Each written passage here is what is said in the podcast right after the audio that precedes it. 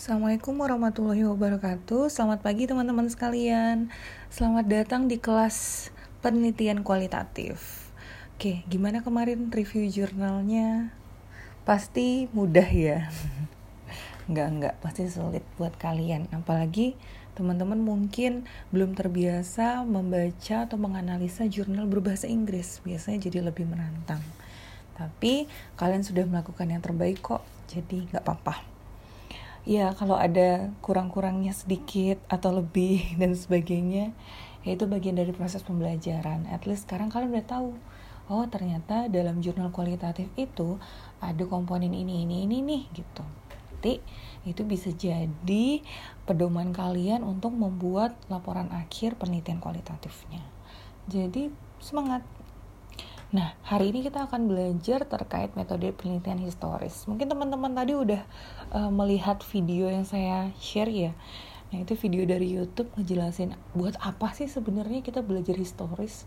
Emang penting apa masa lalu buat masa depan dan sebagainya. Dari situ juga udah jelasin banyak sekali bahwa sebenarnya dengan kita mempelajari masa lalu, kita bisa mencegah misalkan masa lalu itu terjadi di masa depan atau dengan alasan-alasan lainnya. Dan ternyata metode historis ini juga ampuh loh digunakan untuk mengatasi berbagai macam permasalahan yang ada di dunia ini. Next slide. Nah, ada beberapa contoh penelitian historis. Jadi kalau kalian nyari nih, misalkan di Google Scholar, ketik aja studi historis. Nanti keluarnya bakal kayak gini gitu. Jadi gambaran seperti apa sih penelitian historis itu.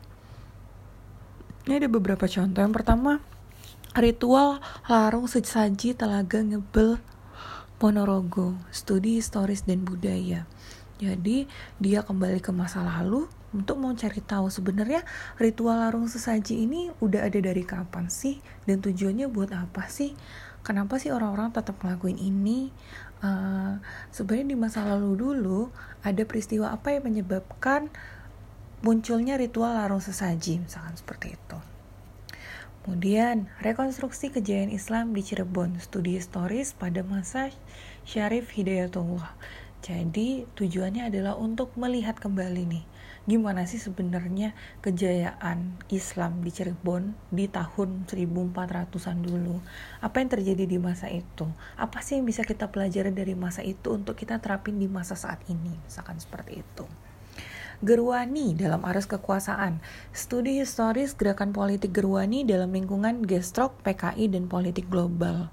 Nah, ini tujuannya untuk menggali lagi sebenarnya ada apa sih di Gerwani itu. Kemudian, apakah sebenarnya si Gerwani ini uh, mempengaruhi nggak sih hmm, keberadaannya di PKI, politik global, lingkaran gesok dan sebagainya gitulah. Pokoknya intinya mereka balik lagi ke masa lalu ketika Gerwani itu masih hype-hype-nya atau masih muncul-munculnya untuk memahami ada apa sih, dinamikanya gimana sih, prosesnya gimana sih dan sebagainya. Kemudian ada juga nih, pasukan khusus Pangeran di Ponorogo masih menari studi historis kesenian tari tradisional reok Bulkio Blitar. Jadi uh, si reok Bulkio Blitar ini masih ada hingga saat ini. Makanya dia masih menari judulnya. Nah tujuannya penelitian ini adalah mencari tahu seperti apa sih hmm, si reok Bulkio Blitar ini di masa lalu. Kemudian kenapa sih yang nari harus pasukan-pasukan khusus? Menarinya pada saat-saat seperti apa sih?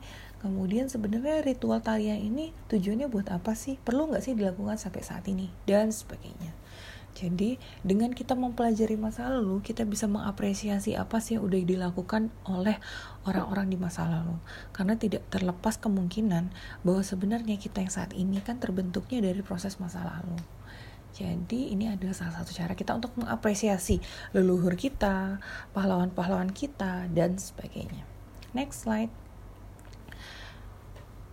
Historis atau penelitian sejarah ini adalah penyelidikan secara sistematis terhadap dokumen dan sumber-sumber lain yang mengandung fakta tentang pertanyaan-pertanyaan sejarawan di masa lampau.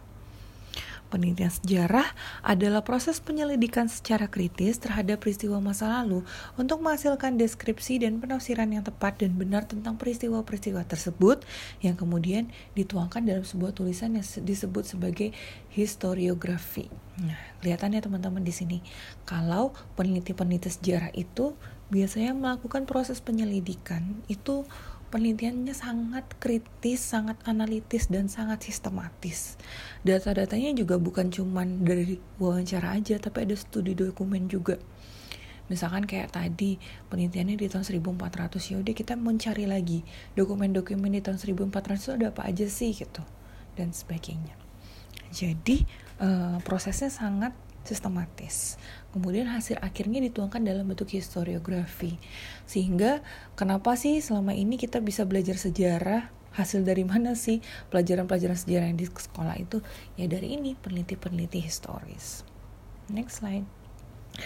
Penelitian historis berupaya merekonstruksi tentang fakta di masa lampau, tentang apa, siapa, kapan, di mana, dan bagaimana secara objektif, sistematis, dan akurat yang dilaksanakan pada waktu sekarang. Gitu. Jadi melakukannya saat ini, tapi kita mencoba untuk merekonstruksi, jadi memanggil kembali atau membentuk kembali fakta-fakta atau pengalaman yang ada di masa lalu gitu. Melalui apa? Melalui misalkan menghadirkan orang-orang yang pernah hidup di zaman itu, misalkan veteran perang, kemudian nyari data-datanya dari perpustakaan, dari perpustakaan angkatan dan sebagainya untuk dapat data yang uh, bisa dikonstruksi menjadi sesuatu yang sangat akurat. Proses rekonstruksi dilakukan berdasarkan hasil catatan-catatan di lapangan, artefak-artefak, serta laporan verbal pelaku atau saksi sejarah. Gitu. Jadi kalau kita mau belajar tentang gimana sih sebenarnya peristiwa Orde Baru itu membentuk psikologis uh, dari veteran-veteran perang, mungkin yang kita lakukan adalah memanggil veteran-veteran perang itu untuk diwawancara, misalkan kayak gitu tapi mereka juga yang hidup atau mereka juga yang menjadi saksi sejarah ketika masa Orde Baru itu misalkan kayak gitu Penelitian kualitatif berakar pada latar alamiah sebagai keutuhan, mengandalkan manusia sebagai alat, memanfaatkan metode kualitatif, serta mengandalkan analisa data secara induktif.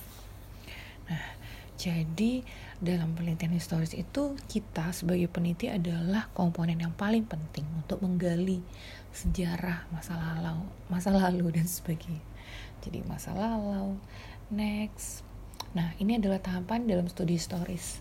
Pertama kita perlu untuk mengidentifikasi ada masalah apa sih sebenarnya di masa lalu yang kira-kira kalian tertarik nih untuk mendalam mendalaminya.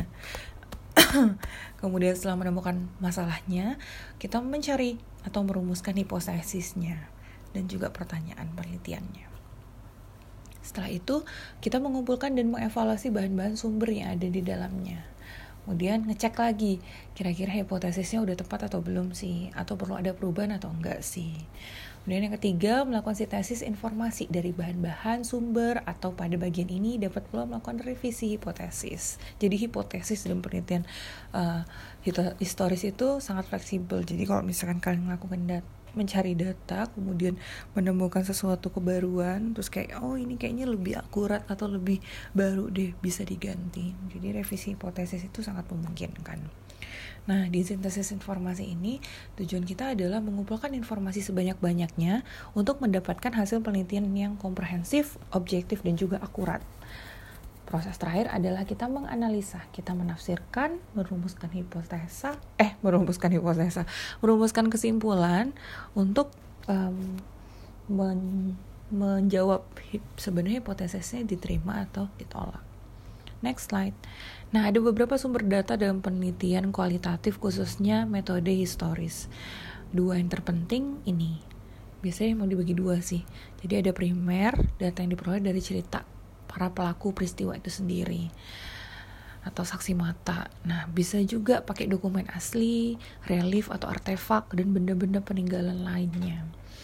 Selain primer atau data utama, ada juga data sekunder atau data pendukung, yaitu data atau informasi yang diperoleh dari sumber lain yang mungkin tidak ada hubungan langsung dengan peristiwa.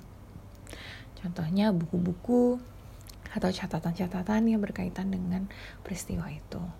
Next slide. Nah, penelitian historis itu juga ada beberapa jenis sebenarnya teman-teman. Ini untuk lebih mengkerucutkan. Ada historis komparatif, yuridis, ada biografis, ada bibliografis. Kalau komparatif ini biasanya membandingkan beberapa faktor. Jadi, studi historis pada masa Orde Baru dan Orde Lama misalkan gitu jadi ada perbandingannya either Orde Baru dan Orde Lama atau judulnya misalkan studi historis studi historis gaya kepemimpinan transformasional dan gaya kepemimpinan otoritatif pada masa Orde Baru gitu juga bisa Kemudian yang kedua ada historis yuridis, ini tujuannya untuk menyelidiki hal yang berkaitan dengan hukum.